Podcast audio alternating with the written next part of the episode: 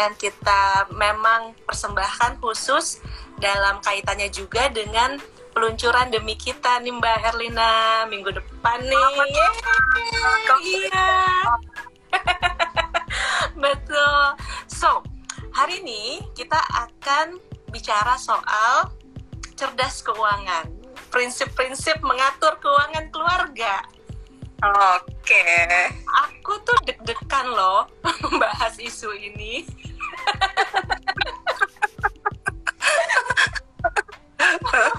Tapi hari ini karena udah ditemenin sama Mbak Erlina, pakarnya, ahlinya, nah aku akan ngobrol banyak, uh, mencari tahu sebanyak-banyak mungkin, menggali, uh, dan teman-teman juga kalau ada pertanyaan-pertanyaan silahkan ya. Jadi uh, kita kita akan ngobrol dan uh, terkait dengan soal keuangan ini karena memang uang bukan segalanya ya Mbak Erlina ya? Ya betul. Bukan tapi kalau nggak ada uang pusing. Kalau nggak ada uang terasa seperti segalanya. Oke, Mbak, mm, mungkin untuk memulai nih soal mm, cerdas keuangan ya, komunitas cerdas keuangan. Mungkin aku pengen tahu dulu dan ingin share juga dengan teman-teman yang uh, nonton bareng-bareng aku hari ini.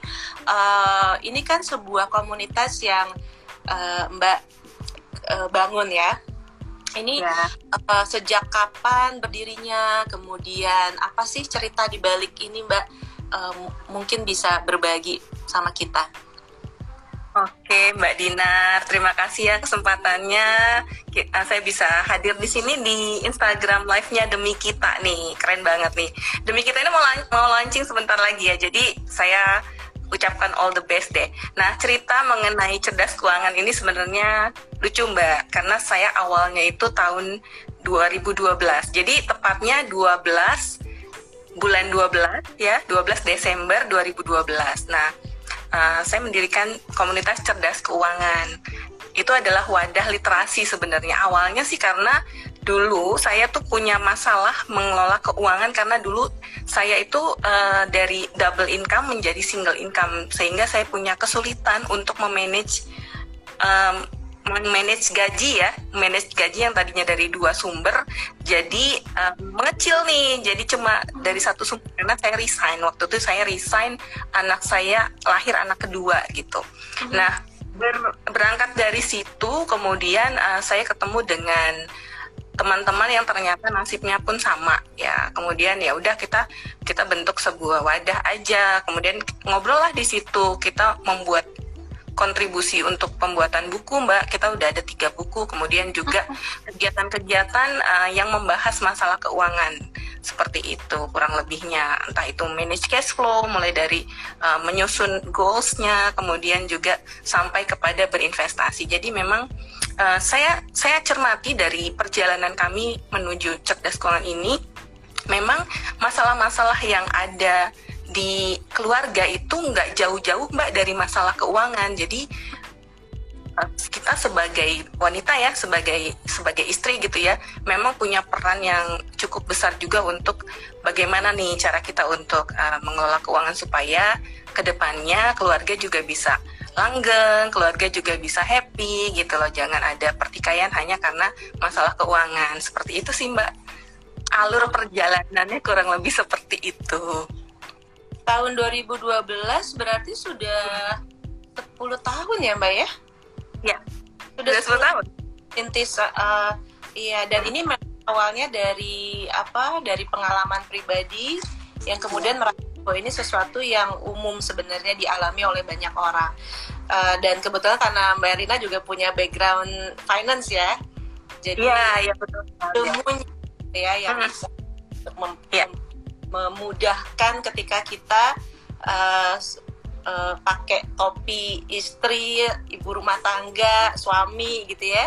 Uh, gimana caranya ngelola keuangan keluarga. Oke, okay. nah Mbak aku kalau gitu mau langsung aja. Uh, ada nggak sih sebenarnya nih untuk sebelum kita mulai ya, ke mungkin ada pertanyaan yang jauh lebih spesifik nanti dari teman-teman juga. Tapi ada nggak prinsip-prinsip utama yang uh, itu jadi barometer kita deh dalam mengelola keuangan yang sehat gitu. Punya hubungan yang relasi yang sehat dengan uang ini tuh apa prinsip-prinsip utamanya? Kalau dari seorang yang punya background dari keuangan. Oke oke, jadi kita akan membicarakan masalah perencanaan keuangan ya Mbak. Sebenarnya perencanaan keuangan itu punya definisi sendiri Mbak. Menurut uh, di menurut Financial Standard Board ya, itu adalah sebuah proses untuk mencapai tujuan hidup melalui apa? Melalui manajemen keuangan yang terintegrasi dan terencana. Nah, di situ ada beberapa kata kunci ya yang pertama adalah proses bahwa sebenarnya perencanaan keuangan itu bukanlah suatu yang instan. Jadi itu butuh butuh proses, butuh sebuah perjalanan sehingga mencapai tujuan nah, di titik tujuan tertentu seperti itu. Jadi kalau misalnya ada seseorang yang ingin membuat tujuan keuangan, ingin mencapai tujuan keuangan dengan cara yang instan, itu uh, akan sangat sulit. Kenapa? Karena perencanaan keuangan sendiri itu adalah sebuah proses ya. Itu yang pertama. Kemudian mencapai tujuan hidup. Karena kalau dilihat dari perjalanannya seorang manusia pun uh, melewati beberapa siklus kan ya mbak. Mulai dari anak kecil ya kan. Kemudian dia beranjak dewasa kemudian dia juga beranjak uh, nanti dia masuk ke stage menikah seperti itu ya punya anak kemudian dia uh, menua dan sampai dia nanti dipanggil oleh yang kuasa seperti itu kan. Itu ada itu adalah siklus kehidupan. Nah tujuan hidup manusia itu kaitannya dengan siklus kehidupan. Di hmm. setiap titik siklus kehidupan itu ada tujuan-tujuan hidup dan tujuan-tujuan keuangan yang bisa jadi setiap orang berbeda-beda mbak. Misalnya misalnya saya nih saya di saat saya waktu remaja itu punya keingin punya tujuan-tujuan keuangan tentu saja yang berbeda pada saat saya sudah menikah dan sudah mempunyai anak. Ya misalnya pada saat remaja saya pinginnya saya pinginnya punya tujuan keuangan untuk traveling misalnya gitu atau untuk melanjutkan pendidikan misalnya gitu. Tetapi pada saat saya sudah berkeluarga dan punya punya anak, saya punya tujuan-tujuan keuangan yang prioritasnya jauh berbeda dengan saya pada saat remaja dulu. Okay. Gitu ya misalnya ingin menyusun pensi, uang pensiun, dana pensiun, kemudian untuk uh, menyusun dana pendidikan anak seperti itu kan itu pasti ada di setiap setiap siklus kehidupan itu punya titik punya titik-titik dan punya tujuan-tujuan keuangan yang berbeda. Nah, gimana caranya untuk uh, seseorang mencapai tujuan-tujuan kehidupan itu perencanaan keuangan itu membantunya tuh mbak. Membantunya. Dengan cara apa? Dengan cara manajemen keuangan yang terintegrasi dan terencana. Terintegrasi itu maksudnya dia tuh nggak nggak terpisah-pisah. Jadi dia tuh menyatu mbak. Jadi hmm. dia adalah satu kesatuan. Kalau kalau kita teliti lagi dalam perencanaan keuangan itu nggak cuma masalah manage cash flow aja gitu. Nggak nggak hanya masalah hmm, investasi aja ternyata banyak sekali unsur-unsur di dalamnya itu. Kalau kita kalau kita perhatikan itu membentuk sebuah puzzle. Ya itu ada manage cash flow kemudian dia ada proteksi di situ ya kan? Kemudian juga ada uh, perencanaan untuk perencanaan untuk uh, apa namanya tuh waris di situ. Dan pajak ya kan? Menyusun dana pendidikan tujuan-tujuan keuangan bagaimana kita menyusun prioritas seperti itu. Investasi juga kan Nah, itu adalah satu kesatuan. Jadi, uh, itulah uh, kenapa disebut sebagai terintegrasi dan terencana. Terencana tuh maksudnya dia punya tujuannya spesifik gitu. Dia juga tujuannya tuh uh, bisa di bisa dicapai dan juga terukur measurable gitu ya dan juga ada jangka waktunya nah seperti itu kalau tujuan keuangan nggak punya ukuran nggak punya maksudnya nggak punya nilai ya nggak punya harga gitu ya nggak punya nilai rupiah. Terus nggak punya uh, jangka waktu kita akan sulit untuk uh, membantu seseorang mencapai tujuan keuangan. Kenapa? Karena kita juga butuh uh, ini ukuran mbak. Kita butuh ukuran untuk membantunya mencapai tujuan misalnya berapa tahun ke depan gitu jadi jangka misalnya satu tujuan keuangan misalnya menyusun dana pendidikan anak. Nah, kita juga harus tanya anaknya usia berapa tahun, kemudian uh, ada berapa anaknya, kemudian mau sekolahnya di tingkat menengah kah atau di tingkat uh, tingkat kuliah seperti itu kan. Berarti kan kita hitung nih dari dari usia anak yang saat ini ke usia nanti pada saat dia jenjang S1 berapa tahun gitu kan. Kemudian juga uh, kemampuan kita untuk berinvestasi dan juga uh, nanti kita lihat juga harga di saat uh, biaya pendidikan di saat ini dan kita bisa hitung nanti berapa nanti pada saat anak akan um, menjejak ke jenjang pendidikan itu harganya jadi berapa gitu. Ya, nah ya, itu ya. punya ukuran-ukurannya mbak. Betul. Eh, sekarang aku bisa ngerti kenapa uh, Mbak Arena sampai bisa nulis tiga buku ya mengenai ini. Karena banyak sama teman-teman juga nulisnya. Kita bareng-bareng. Jadi ada akan pada uh, keywords atau kata-kata baru. Maksudnya gini, kalau selama ini kan mungkin teman-teman uh, yang nonton juga ya, uh, ketika ya. bicara keuangan keluarga itu pasti pemikiran itu ya cash flow gitu kan uh, tabung uh, bayar utang misalnya gitu kan uh, memastikan mungkin bi uh, bisa ada nggak ya dana buat investasi misalnya misal sampai sejauh itu tapi yeah, yeah. tadi uh, kalau yang tadi Mbak Rina sampaikan kita tuh harus mulai dulu dari apa tujuannya kita gitu kan jadi kita udah harus nge-layout juga um, rencana hidup kita, milestone, tahapan-tahapan kehidupan kita itu apa saja dan karena semua ini membutuhkan dana gitu kan. Jadi uh, sehingga kalau kita sudah punya milestone-nya, maka proses untuk kita mencapainya juga menjadi lebih terencana dan lebih terukur gitu. Jadi aku malah ngelihatnya jangan jangan loncat dulu ke berusaha menyelesaikan berbagai macam masalah yang ada hari ini. Misalnya kayak utang gimana nih? Uh, cash flow nih gak, belum positif gitu ya. Masih cash flow-nya masih negatif gitu. Dari bulan ke bulan cuman uh, hidup dari penghasilan pada bulan itu misalnya. Tapi mundur dulu sedikit luangin dulu waktu sedikit sebentar untuk mempertegas memperjelas tujuan hidup kita ya dan apa yang kita capai wow oke okay. oke okay. aku jadi pengen tahu nih teman-teman yang hadir hari ini Hmm, ada nggak yang sudah melakukan exercise seperti itu bareng pasangan? Ini bareng pasangan loh berarti ya kan Mbak? PR-nya tuh sebenarnya bareng pasangan akan lebih mudah Mbak. Karena gini loh, untuk uh, kita kita tuh waktu awal nikah dulu ya, saya tuh masih cupu. Maksudnya masih cupu itu mesti belajar juga Mbak saya tuh belajar banyak hal di awal awal awal menikah dulu bahkan saya sampai belajar psikologi mbak how to communicate with a spouse gitu how to communicate with children gitu kan karena uh, setelah dilihat-lihat ternyata itu juga pegang peranan untuk komunikasi. Jangan sampai nanti akan ada salah paham di situ kan. Dan juga bagaimana cara kita berkomunikasi ke anak-anak untuk kita memberitahu nih yang benernya gimana nih ngelola keuangan kayak gitu. Sehingga mm-hmm. anak-anak sudah terbiasa gitu loh.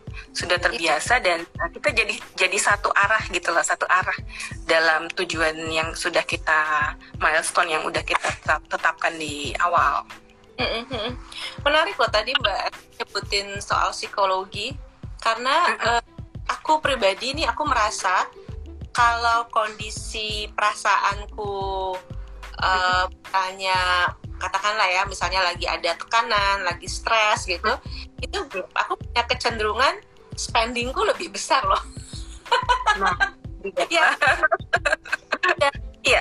Pokoknya gitu loh. Jadi kalau misalnya lagi normal dalam kondisi normal, eh, so soalnya kan aku rajin rajin mencatat ya mbak. Aku tuh student, uh, student yang baik. Jadi aku suka mencatat. Jadi, nah, jadi aku tahu persis gitu. Ketika ketika minggu-minggu atau periode-periode di mana yang kok kayaknya spendnya nih agak aneh gitu. Nah kalau aku teliti kemudian tanganku itu biasanya suka, oh aku kayaknya lagi lagi stres karena sesuatu. Iya? Ada ada ya. kata seperti itu. Berarti bisa dikenali ya, simptomnya bisa dikenali ya pada saat itu terjadi dan itu bisa jadi alarm buat kita ya supaya kita waspada nih oh, oh saya lagi begini gitu loh apa yang mesti dilakukan untuk mencegahnya iya ini baru iya. angan belum dipraktekkan oh oke okay. Mbak umur berapa sih harus nyiapin dana pensiun? Nah loh, oke, okay. kita udah bicarain soal. ini ada lompat sebenarnya. Sebenarnya aku tuh awalnya pingin ngobrol tuh masalah pondasi dulu kan. Ini ternyata ada yang ada yang udah bertanya dana pensiun ini. Gimana gini? Aku luangin dulu waktu untuk nyelesain soal pondasi tadi, tapi aku catat ya, pertanyaannya aku catat. Jadi teman yang uh, apa dari Osbooks ya, itu uh, jangan ninggalin percakapan ini karena kita akan bahas, kita akan jawab, tapi kita selesaikan dulu soal fondasi ya Mbak, karena menurut aku ini penting. Bahkan tadi aja itu ternyata, oh ternyata kita mundur dulu deh sedikit gitu kan. Ayo bicarain dulu soal tujuan hidupnya, milestone-nya, karena ini semua harus nyambung nih apa yang iya. kita citakan, apa Betul. yang kebutuhan situasi saat ini, terus nyambung semuanya. Oke, okay. silakan lanjut Mbak. Fondasi ini. Aku aku pengen ngasih tahu di awal dulu karena ini kan kita kita bertemu di awal ini ya. Aku anggap kita sedang mempelajari perencanaan keuangan ini dari basicnya dulu gitu ya. Jadi teman-teman kalau mau belajar perencanaan keuangan itu kita bayangkan saja sedang membangun sebuah rumah gitu. Jadi kalau kita membangun sebuah rumah kan yang kita butuhkan di awal adalah membangun pondasinya kan.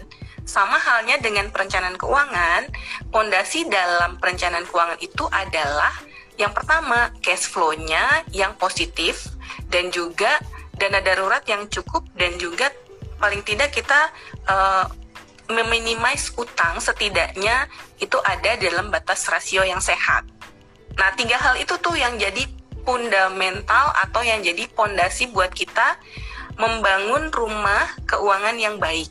Nanti kalau pondasinya sudah kuat, nah tinggal kita bangun pilar-pilarnya tuh. Kita eh, misalnya kita uh, membuat perencanaan untuk proteksi seperti itu. Kemudian kita membangun atapnya, kita berinvestasi untuk mencapai tujuan keuangan. Nah, menurut saya tiga hal ini adalah terpenting, Mbak. Kenapa? Karena kalau kita loncat nih, misalnya kita loncat nih ya, kita melupakan nih, kita melupakan yang namanya cash flow yang positif, kita lupain. Kemudian yang namanya dana darurat, ah masa bodoh amat gitu. Aku mau langsung ke investasi misalnya gitu ya, tanpa memindahkan uh, tiga hal itu, dana darurat, utang, dan juga cash flow yang positif. Begitu saya, begitu kita saya berinvestasi, pada saat uh, nilai investasi yang saya pilih ini kebetulan adalah investasi yang agresif, begitu nilainya itu anjlok, ya. Kemudian ada sesuatu yang urgent yang harus saya bayar saat itu atau yang harus saya keluarkan biaya saat itu. Karena mikir, jadi mikir uangnya dari mana gitu kan? Oh, betul.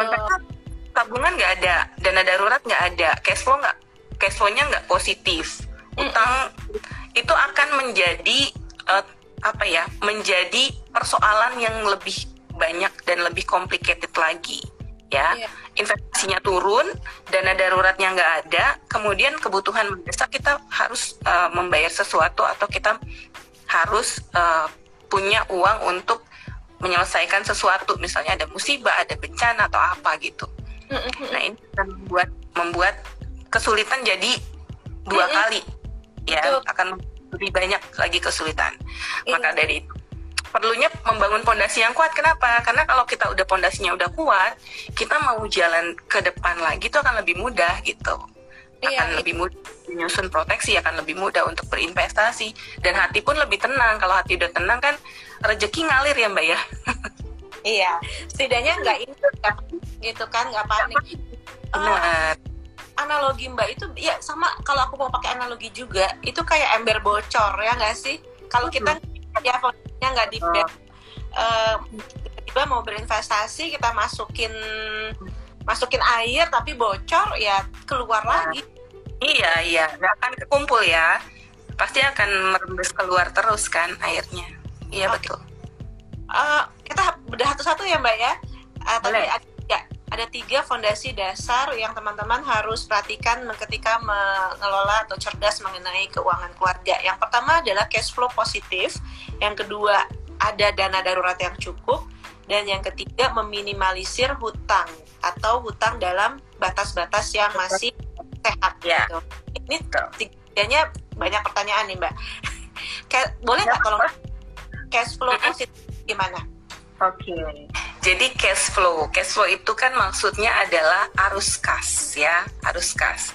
Itu dari mana? Cash flow itu adalah hasil dari pengurangan antara pendapatan kita, apa yang kita dapatkan misalnya gaji ya, atau penghasilan lain misalnya dari fee, dari dari penghasilan dari return investasi, penghasilan dari bisnis ya, dikurangi dengan expense atau pengeluaran-pengeluaran kita. Misalnya kita mengeluarkan uang untuk apa aja sih? Misalnya untuk uh, biaya transportasi, untuk belanja kebutuhan sehari-hari, untuk listrik, gas, air dan lain sebagainya, biaya pendidikan anak seperti itu kan. uh, hal-hal yang kita keluarkan itu namanya pengeluaran gitu kan.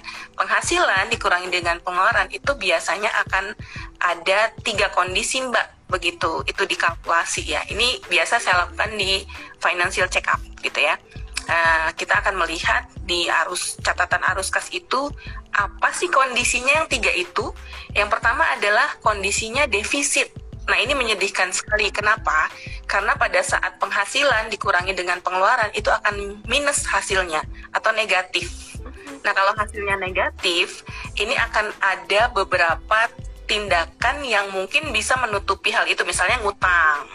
Atau misalnya uh, alternatif yang lain adalah mencari penghasilan lain misalnya seperti itu. Tapi biasanya yang uh, yang akan dicari jalan termudah adalah ngutang. Ngutang dengan apa? Dengan de dengan non bankable misalnya yang yang lebih cepat deh pinjol dan lain sebagainya gitu Nah, itu defisit, itu defisit.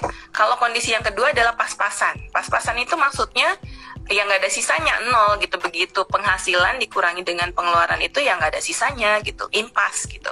Nggak ada sisanya. Mungkin uh, kalau kondisi seperti ini masih lebih baik ketimbang kondisi yang defisit ya. Nah kondisi yang kedua adalah pada saat penghasilan kita dikurangi dengan pengeluaran itu malah positif atau surplus ada lebihnya. Nah untuk surplusnya ini kan bisa dialokasikan lagi nih mbak. Entah itu untuk menambah uh, saving atau menambah pundi dana darurat kah? Atau misalnya kita untuk uh, menambah investasi. Nah, kondisi yang positif ini, kondisi yang surplus ini adalah kondisi yang sehat. Dan nah, ini akan lebih baik untuk uh, perjalanan menuju tujuan-tujuan keuangan yang lain gitu. Jadi ini syarat untuk kita membangun pondasi keuangan yang baik, yaitu cash flow-nya yang sehat gitu, cash flow-nya yang positif. Jadi seperti okay. itu. Berarti kalau kita bicara tadi lagi soal tujuan, eh, teman-teman uh, bisa kayak ngeliat aku ada di tingkatan yang mana, apakah di defisit negatif, apakah di impas atau pas-pas apa uh, uh, kondisi yang apa tuh istilahnya ya, ya zero lah ya. Uh, ya, pas ya betul. Atau dan uh, tujuan kita adalah kalau kita ada di kondisi yang di sebelah kiri nih kita berusaha untuk menuju ke arah yang positif gitu ya targetnya itu dulu nih gitu target saya bisa ada surplus gitu kan ya oke okay, oke okay. nah ini kayaknya nanti akan nyambung ke yang ketiga juga ya mbak karena sering kali yang jadi itu ya. Kita jadi negatif karena kita bayar hutang gitu kan karena udah terlanjur ada kerusakan lalu yang harus kita bayar sekarang gitu iya, kan. Ya, Tiga kondisi itu adalah saling terkait sebenarnya Mbak, saling terkait dari mulai misalnya dari mulai kondisi defisit akan ada timbulnya utang. Timbulnya utang pada saat uh, dana darurat nggak ada akan kembali lagi dengan berhutang dan begitu terus selama tiga hal ini nggak terselesaikan dengan baik, uh, kayaknya masih masih menyulitkan untuk kita maju ke depan, Mbak. Jadi memang PR-nya di tiga hal itu Mbak. Kenapa itu disebut sebagai pondasinya? Karena itu, karena memang uh, penting untuk kita benahi dulu gitu. Yang pertama cash flow-nya dulu deh. Baru setelah cash flow-nya baru kita menyusun dana darurat nih. Ya, dana darurat itu idealnya berapa sih gitu kan? Dana darurat dihitungnya dari mana sih? Kemudian dana darurat itu dibutuhkan untuk apa aja gitu kan ya. Nah, sebenarnya dana darurat ini adalah uh, kalau kita hitung itu ya dana darurat itu adalah uang cash yang ada kemudian kalau seandainya ada uh, di tabungan ya itu kita jumlahkan semuanya berapa dibagi dengan pengeluaran kita nih setiap misal Mbak Dinar punya cash in hand ya yang Mbak Dinar pegang sekarang saat ini misalnya 10 juta. Kemudian di tabungan itu ada 50 juta. Berarti kalau ditambah kan jadi 60 juta ya. 60 juta. Kemudian Mbak ternyata Mbak Dinar punya uh, punya simpanan misalnya di mana ya? Di tempat yang mudah dicairkan misalnya deh gitu ya. 60 ditambah 40 kan 100 misalnya ada 100 nih Mbak. Oke, 100 juta itu kita anggap sebagai aset liquid yang bisa kita jadikan dana darurat. Kemudian uh, ternyata harus dibagi nih, dibagi dengan apa? Pengeluaran Mbak Dinar. Nah, misalnya 100 juta di aset liquid, ternyata pengeluaran Mbak Dinar ini sebulan adalah 10 juta. Misalnya, berarti dana darurat yang sudah ada, yang sudah ready, itu adalah 100 juta dibagi dengan 10 juta, Mbak. Oke, okay, oke. Okay. Mbak Dina punya cadangan dana darurat 10 kali pengeluaran. Iya. Nah, sekarang pertanyaannya 10 kali ini termasuk sehat atau enggak nih Mbak Erlina gitu kan? Hmm. Nah, kalau untuk single ukurannya adalah 3 sampai 6 kali itu masih oke. Okay. Tapi untuk berkeluarga itu batasannya adalah lebih besar dari yang single karena kan ada oh. suami, ada istri, ada anak-anak ya otomatis nilainya pasti akan lebih besar lagi bisa 9 sampai 12 kali. Nah kalau kenyataannya adalah 10 kali berarti itu sudah masuk ke aman, level aman lah mbak. Level aman gitu. Jadi ya um, sudah sudah oke okay, dan daruratnya sudah oke. Okay. Ya, itu ya, untuk ya. nah, nah ya. untuk peruntuk betul aku jadi oh, sorry ya gimana mbak maaf peruntukannya mungkin untuk uh, misalnya misalnya contoh pada saat pada saat pandemik ya pada saat pandemi covid di awal-awal itu kan kita justru lebih banyak membutuhkan dana darurat ya karena apa mungkin ada penghasilan yang berimbas di situ kepala keluarga mungkin uh, di PHK seperti itu kan sementara kita harus membayar biaya-biaya yang yang setiap bulan harus berjalan nah dana darurat pegang peranan tuh mbak di situ mbak jadi mm -hmm, itu peruntukan hal yang emergensi jadi memang uh, terutama ketika ya yang yang baru-baru ini adalah COVID ya. Jadi itu berimbas sekali pada pada penghasilan ya Mbak ya. Uh, jadi ya. memang bayangkan kalau uh, kondisi keuangannya itu adalah let's say impas aja gitu. Cukup dari bulan ke bulan. Tapi ketika kemudian terjadi sesuatu ya nggak lagi jadi impas, jadi negatif gitu ya. Makanya ini fungsinya ada dana darurat. Uh, Mbak Erliana, uh, dalam perjalanan dirimu membantu orang, aku yakin banget pasti pasti banyak lah yang bermasalah seperti ini gitu kan. Yang udah terlanjur misalnya cash flow-nya negatif, yang udah terlanjur ya negatif lah yang paling buruk itu. Uh, kan ketika dari da, ketika dalam kondisi terpuruk itu rasanya sulit ya untuk membayangkan bahwa saya bisa keluar gitu bahwa saya bisa menuju positif itu dari mana gitu dari bulan ke bulan aja udah kurang ya, emang yeah. bisa gitu ini gimana mbak? Mbak Yatuna punya nggak uh, berita baik yang bisa disebarkan? Karena aku yakin deh dalam kondisi seperti itu biasanya memang kita kan kalut ya. Kita kalut kita pesimis gitu. Dan dan justru aku khawatirnya hmm, hal-hal hmm, seperti ini malah mendorong kita mencari Eh, solusi-solusi uh, singkat gitu. Solusi yang mungkin bisa ngeluarin kita pada bulan itu tapi bulan depan malah jadi uh, tambah runyam gitu kan. Betul emang ini kondisi yang sangat sulit mbak. Sangat sulit sekali dan uh, dan memang uh, sering sekali saya temui ini mbak. Ya bahkan dari curhatan-curhatan. Nggak nggak hanya yang nggak hanya teman deket aja sih bahkan yang mungkin hanya sekedar DM untuk tanya saya mbak gimana nih masalahnya? Misalnya terlib saya tuh uh, cash flow-nya aja belum surplus sementara ada tagihan-tagihan untuk arisan misalnya gitu atau untuk nutupi utang tapi bukan utang dia misalnya seperti itu kan. Ada utang keluarga utang uh, yang lain-lain. Gimana nih mbak solusinya? Memang sulit mbak. Memang sulit dan memang uh, ini butuh sebuah apa ya uh, kalau bisa dibilang adalah kondisi yang sangat pelik dan butuh bantuan sebenarnya gitu kan.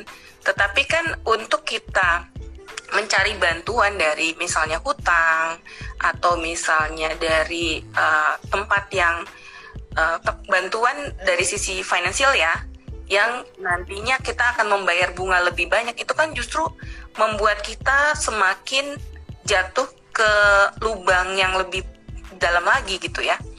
Nah, yang pertama yang yang mesti kita ingat adalah kita bersyukur dulu pada kondisi kita saat ini. Uh, jangan sampai kita jadi pesimis. Jangan sampai kita jadi pesimis gitu kan. Karena uh, karena kita juga punya yang namanya rasa keberimanan ya Mbak ya, gitu ya. Jadi anggap aja ini sebagai ujian. Yang kedua, kita bersyukur dan anggap ini sebagai ujian. Yang kedua, kita uh, lihat ke dalam diri lagi Mbak. Kalau saya sebagai financial planner biasanya saya cek nih Mbak. Saya lakukan financial check up. Sebenarnya masalahnya di mana sih gitu loh. Okay. Ya. Uh, financial check up itu adalah melihat untuk uh, yang cash flow adalah melihat pendapatan dan pengeluaran dan yang kedua adalah melihat uh, neraca nih, aset dan juga utangnya. Masalah yang terjadi itu apakah dari sisi cash flow ya dari sisi pendapatan pengeluaran apa atau dari sisi aset utang yang pertama kondisinya kalau dari sisi cash flow atau kita lihat pendapatan ternyata memang pendapatannya lebih kecil daripada pengeluarannya gitu mm. sehingga kita bisa lihat dan kita bisa teliti lagi oh ternyata memang pendapatannya ini pas-pasan tetapi pengeluaran dia banyak banget misalnya mm -hmm. gitu ada utang, ada untuk nutupin utang yang bukan utang dia, atau hmm. mungkin ada yang cicilan-cicilan yang lain, atau mungkin ada jajan-jajan yang lain, yang ternyata kalau dilihat-lihat itu adalah bukannya prioritas dia sebenarnya, hmm. karena prioritas dia adalah uh, dalam keluarga misalnya adalah belanja rumah tangga, ya kan, membayar untuk eh, biaya-biaya uh, kebutuhan rumah tangga, misalnya listrik, air dan gas dan lain sebagainya, dan anak.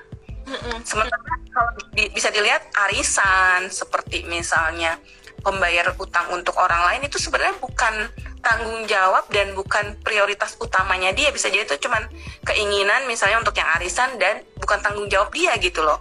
Yeah. Jadi ini yang sebenarnya bisa di, dilihat dan bisa dikaji ulang.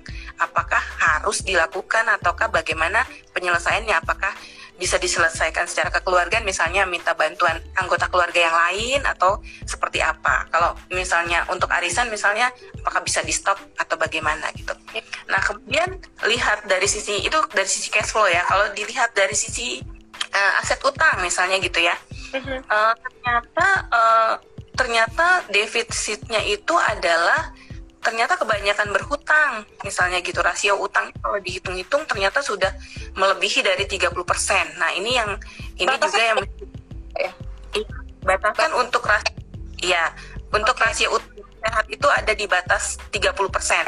30% ini untuk utang yang dua jenis, Mbak. Untuk hmm. utang yang produktif dan yang konsumtif karena seperti kita ketahui utang itu ada yang uh, produktif dan ada yang konsumtif. Kalau yang konsumtif ini jangan sampai 30% juga gitu. Itu ada batasannya lagi 10% aja. kalau yang produktif bisa lah bisa lah di 20%. Tapi kalau saya uh, memberikan uh, ini ya memberikan saran gitu kepada apalagi kepada calon pensiun ya misalnya itu mereka punya tujuan nanti pada saat pensiun zero mbak. Nggak ada nggak ada tagihan utang. Kenapa? Karena pada saat dia pensiun otomatis kan penghasilan menurun ya. Kemudian kondisi kesehatan juga sudah semakin menurun dan juga kita pasti butuh untuk pengeluaran-pengeluaran untuk kesehatan untuk suplemen dan lain sebagainya.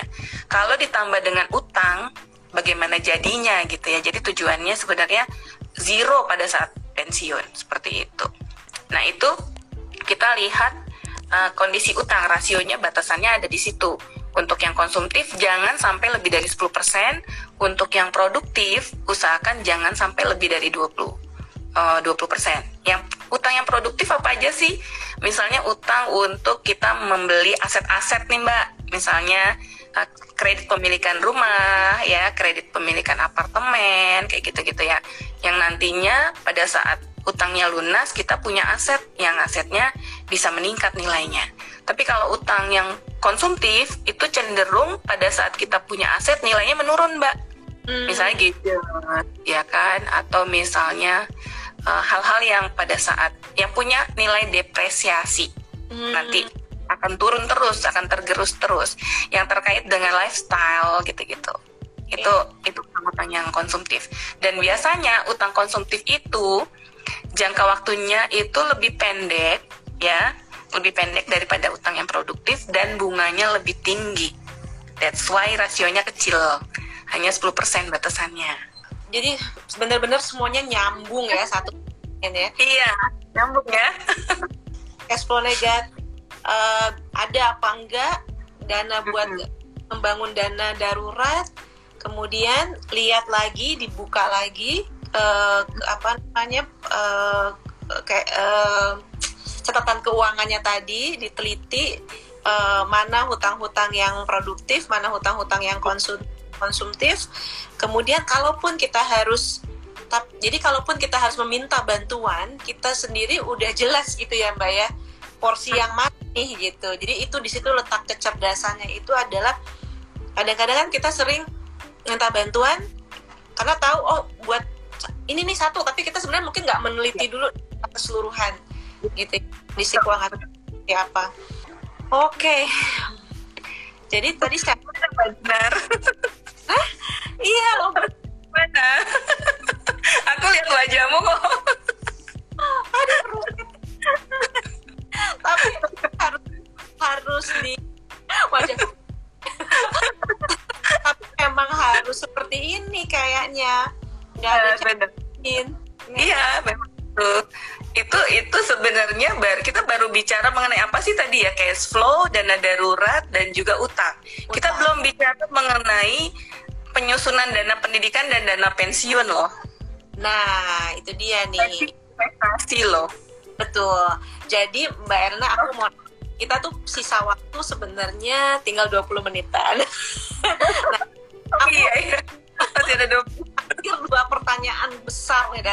dari penonton pada hari ini.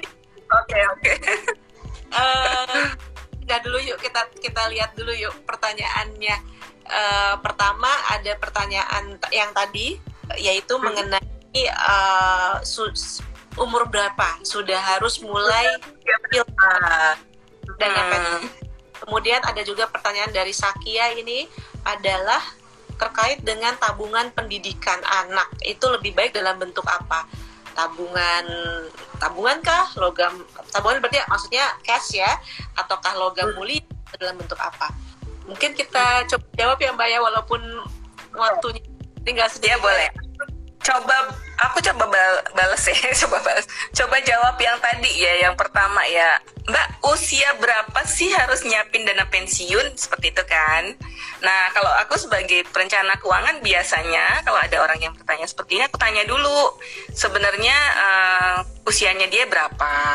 Kemudian uh, aku juga lakukan financial check up dulu. Gimana nih cash flow-nya? Aman? Sudah aman atau belum? Terus aset dan utangnya seperti apa? Kan nanti dari situ aku akan tahu beberapa rasio nih mbak ada rasio untuk dana darurat rasio utang rasio saving ratio nah dari saving ratio itu aku bisa tahu kemampuan dia untuk berinvestasi hmm. nah kalau tandanya nih case-nya adalah seseorang yang masih milik, seseorang yang masih muda misalnya, usia 25 ya, bertanya ke saya, Mbak, umur berapa sih harus nyiapin dana pensiun? Ya saat ini Anda juga bisa sebenarnya nyiapin dana pensiun. Kenapa? Karena kondisinya masih single, ya kan?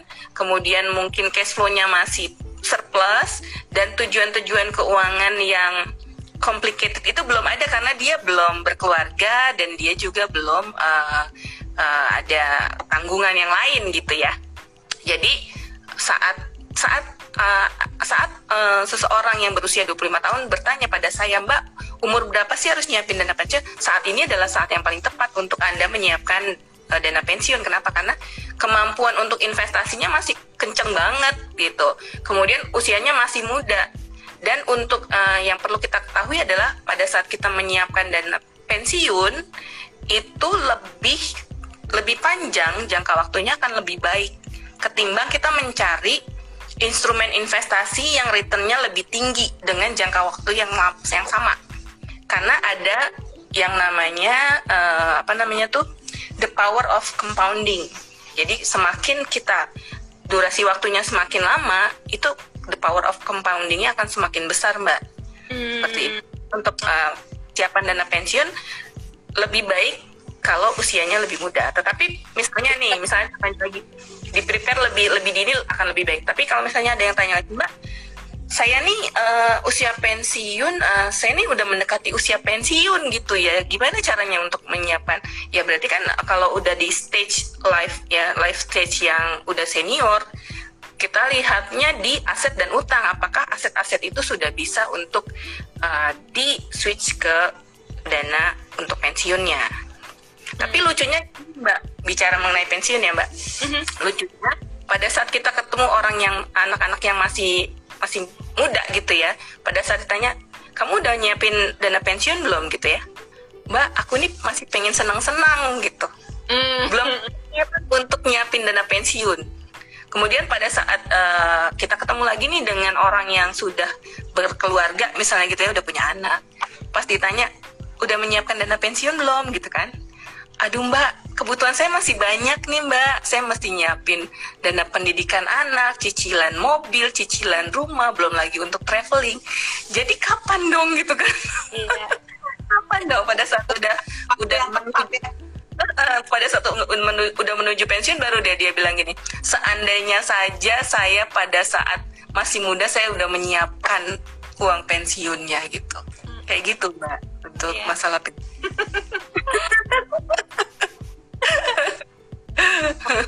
Tadi berarti message-nya adalah uh, kapan dimulainya? Kapan aja, sedini mungkin, secepat mungkin. Lebih baik, ya. Kalau saya tahu oh, OZ book ini usianya berapa tahun? Mm -mm. Boleh, boleh, boleh di, di uh, jawab lagi ya di sini. Uh, kalau bisa loh. akan lebih baik. Kita lebih apa lebih lengkap lagi nanti kalau teman-teman ngasih datanya juga. Oke, ada pertanyaan yang kedua dari Sakya terkait dengan tabungan pendidikan anak lebih baik dalam bentuk apa? Oke, nah saya juga mesti tanya dulu nih ke Mbak Sasa, ke Mbak Sasanya nih, anaknya usia berapa tahun, kemudian mau ke jenjang ke jenjang pendidikan yang mana, apakah SMP, SMA atau universitas? Karena nanti kaitannya dengan pemilihan pemilihan produk investasinya nih Mbak. Kalau misalnya nih uh, usia anak masih di 10 tahun misalnya gitu ya. Ini untuk menyiapkan uh, uang kuliah anak. Berarti kan jangka waktunya berapa tuh? Dari 10 tahun ke jenjang ya, kuliah. Ya, hmm. berarti kan ya 8 sampai 7 tahunan ya. Untuk hmm. eh usia kuliah 17 eh 18 atau 19 tahun ya usia kuliah ya. Berarti kan sekitar segitulah ya. Nah, kalau di kalau dihitung untuk usianya sekian, berarti kita masukkan ke produk investasinya memang agak uh, medium, menengah ke panjang. Beda halnya, pilihannya itu berbeda. Pada saat anaknya udah usia 17 tahun, dia ingin menyiapkan uang kuliah nanti dua tahun lagi. Berarti itu kita masuk ke produk-produk eh, investasi yang minim resiko. Kenapa? Karena jangka waktunya sudah dekat nih jangan sampai kita salah memasukkan ke produk yang uh, malah investasi yang resikonya tinggi gitu. Jadi kalau ditanya seperti ini, untuk saving pendidikan anak lebih baik dalam bentuk apa yang sesuai dengan usia dan yang sesuai dengan uh, jangka waktunya. Jangan sampai misalnya jangka waktunya sudah dekat, kita masukkan ke produk investasi yang resikonya lebih tinggi atau yang sebenarnya untuk jangka waktu panjang gitu. Jadi kalau misalnya jangka waktunya sudah pendek ya cocok cocoknya adalah di reksadana pasar uang, deposito, tabungan dan lain sebagainya yang gampang dicairkan dan resikonya minim. Mm-hmm. Tapi kalau misalnya masih panjang nih durasi waktunya, kita bisa loh masukin ke reksadana saham atau ke misalnya saham perusahaan-perusahaan yang uh, yang ini ya, yang apa tuh namanya fundamentalnya bagus gitu ya, yang yang profitable dan yang ke depannya itu industrinya masih bagus seperti itu saham-saham seperti itu okay. kayak gitu sih Iya, ya, usianya 9 dan 6 tahun. Hampir hampir mirip ya atau yang 10 tahun ya, tadi. Iya, kayaknya 10 tahun, oh ya 9 dan 6 tahun untuk kuliah berarti ya. Berarti ini masih panjang nih, pilihannya bisa di reksadana atau saham. Reksadana saham atau saham pilihannya dari Osbooks ngejawab usianya 37 Mbak. Osbooks ini oh, tadi yang Ya, usianya 37 berarti saat ini adalah saat yang paling tepat nih, 37 ya. 37. Udah mulai nih, udah mulai mikir ini keren banget nih. Usia 37 udah mulai memikirkan pensiun. Wah, hebat nih. Berarti ada berapa tahun lagi tuh Mbak? 20 Berarti misalnya dia mau pensiun di usia berapa nih? Misalnya dia mau pensiun di usia 57. Ya, berarti 20 tahun lagi tuh ada spare waktu 20 tahun lagi untuk berinvestasi. Saya rasa cukup banget kalau kita mau menyiapkan dana pensiun di usia itu. Oke, okay, oke. Okay. Dengan catatan tadi tiga fondasinya di ya. lihat dulu ya. ya. Dulu ya. Dulu ya. Sampai Betul. Takutnya nanti malah tadi kalau misalnya ininya enggak aman dulu nggak kuat dulu tapi kita udah buru-buru. Ini wow baik. Hmm, tadi aku tuh uh, tergelitik juga mengenai ini nih mbak. Hmm, kita balik dulu. Tadi sebenarnya aku nangkepnya kita agak loncat ya ke yang advance nih. Sebenarnya dulu prinsip-prinsip dasar terus loncat sebentar buat ada pertanyaan-pertanyaan sifatnya tabungan dan investasi tapi uh, ada apa tadi waktu kita ngebahas soal prinsip dasar itu Mbak Erlina kan sempat menyampaikan begini. Waktu kita ngebuka cash flow kita dan kita melihat uh, pengeluaran dan pemasukan kita uh, ada pos-pos uh, keuangan yang ternyata itu utang-utang uh, yang utang orang lain gitu ya uh, dan dan seterusnya. Tadi tadi Mbak Elina sempat menyampaikan itu. Nah, uh, ini aku jadi jadi apa ya? Jadi teringat bahwa memang kita juga pernah bahas ini sih ya Mbak ya beberapa waktu yang lalu bahwa kehidupan uh, usia-usia produktif seperti kita sekarang biasanya memang kita punya orang lain yang ada di maksudnya satu rumah tangga itu nggak cuma satu satu yeah. kakak ya, ya. Saya ingat ya ada ada ada satu rumah tangga itu biasanya ada beberapa anggota keluarga lain gitu. Uh, orang tua kita atau mungkin kita tinggal sama ada paman kita dan seterusnya gitu. Dan di mana memang kita punya ya kalau dibilang kewajiban ya ya mungkin bukan kewajiban tapi itu udah menjadi seperti seperti kewajiban. Uh, uh, untuk dan seterusnya. Dan hal-hal ini kan kita nggak bisa nggak bisa nggak bisa kita hentikan gitu loh mbak. Itu juga jadi Betul. satu nggak bisa kita hindari ya kondisi seperti itu tuh kita nggak bisa hindari. Iya. Ini yang mbak juga sebut kemarin uh, fenomena sandwich generation ya. Betul sekali betul sekali. Fenomena itu fenomena sandwich generation itu sebenarnya adalah um, fenomena yang memang sering sekali terjadi di Indonesia. Kenapa? Karena menurut survei sendiri itu lebih dari 50% penduduk atau warga senior atau apa ya orang tua itu tinggalnya sama uh, anak-anaknya beda dengan di luar negeri misalnya di Amerika atau negara-negara maju yang lain di mana mereka memilih untuk tinggal sendiri seperti itu. Nah kondi, kondisi ini kan nggak bisa dihindari ya. Bahkan kalau misalnya Mbak Dinar tanya deh ke saudara atau ke teman eh lo tinggal sama siapa? Ada nyokap gue di rumah gitu kan. Misalnya saya sendiri begitu juga mbak. Saya saya di sini ada ibu saya. Kemudian adik saya pun tinggalnya dengan uh, mertua which is uh, sudah senior juga gitu sudah sepuh juga. Kemudian kakak saya pun tinggalnya uh, dengan mertuanya juga gitu kan berarti di setiap rumah tangga itu hampir semuanya ada uh, ada selain dari keluarga inti kayak gitu. Nah ini kondisinya tidak bisa dihindari. Nah bagaimana cara perencanaan keuangan ini untuk mengantisipasi hal ini supaya tidak membuat keuangan kita menjadi terganggu Mm. Yang pertama komunikasi penting banget mbak komunikasi. Komunikasi untuk apa? Untuk uh, tidak terjadi suatu kesalahpahaman. Misalnya uh, orang tua kita nggak tahu nih pekerjaan kita apa aja sih. Kemudian mm-hmm. orang tua kita juga nggak tahu sebenarnya penghasilan kita nih cukup atau enggak sih gitu kan. Jangan-jangan selama ini orang tua kita tuh menganggapnya kita fine fine aja, cukup cukup aja. Tapi ternyata kita punya banyak masalah keuangan yang orang tua nggak tahu karena kita nggak nggak komunikasikan ke dia. Mm -mm, mm -mm. Itu artinya komunikasi.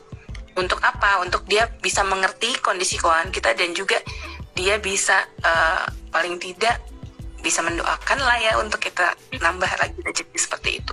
Yang kedua adalah perlunya untuk kita uh, ini Mbak bahu membahu nih mbak urunan yeah. urunan karena di anggota keluarga misalnya kan uh, ibu saya tuh punya anak nggak cuma satu. Misalnya ada ada anggotanya ada tiga misalnya. Ada kakak saya adik saya ada saya. Berarti kan bertiga. Nah kita bertiga ini berembuk mbak. Uh, ini kita mau berapa nih yang bisa kita share untuk men, untuk menyiapkan kebutuhan-kebutuhan ibu kita sehingga kita buat rekening bersama gitu. Sesuai dengan kemampuannya aja. Misalnya uh, kalau kakak saya karena udah cukup mampu misalnya dia bisa share untuk setiap bulannya sekian gitu hmm. untuk saya sendiri berapa adik saya sendiri berapa sesuai kemampuannya sehingga kita nggak merasa berat sendirian menanggung sendiri gitu kita hmm. ada ada orang yang bisa bahu membahu membantu kita juga nah yang ketiga mungkin adalah uh, ini sih mbak untuk kita lebih prioritas dan lebih menekan gaya hidup karena hmm. Memang kondisinya saat ini memang uh, inflasi juga udah cukup tinggi ya. Kemudian juga uh, kondisi ekonominya juga uh, kita lihat ya secara global juga masih kurang memungkinkan untuk kita punya gaya hidup yang tinggi-tinggi gitu ya. Jadi memang uh, saatnya untuk lebih uh, bersahaja deh lebih lebih menekan lagi gaya hidup. Yeah. itu sih tiga hal yang menurut saya penting sih mbak menghadapi yeah. kondisi sandwich ini sandwich yeah. generation betul betul tiga gaya hidup tuh memang ini ya mbak ya hmm, gaya hidup konsumtif itu kan menj memang menjadi uh, beberapa tahun belakangan ini tuh uh, sering juga kita dengar gitu ya kesadaran yeah. kesadaran terkait dengan uh, konsumerisme yang yang boleh bilang sekarang tuh dimudahkan gitu semuanya itu uh, kita mudah banget deh buat shopping buat jajan buat apa gitu ya yeah. saya di awal juga aku cerita uh, aku uh, punya alarm sendiri nih begitu aku hmm. tahu bahwa kondisi psikologis aku lagi tidak baik-baik saja misalnya aku lagi stres aku langsung ngeliat tuh uh, betapa hmm. mudah aku jajan misalnya gitu berlangsung yeah. membengkak gitu kan nah jadi ini juga penting untuk kita uh, punya uh, alarm-alarm sendiri yang kita install gitu ya, yang kita pasang untuk kita juga nggak kebablasan gitu. Oke, okay.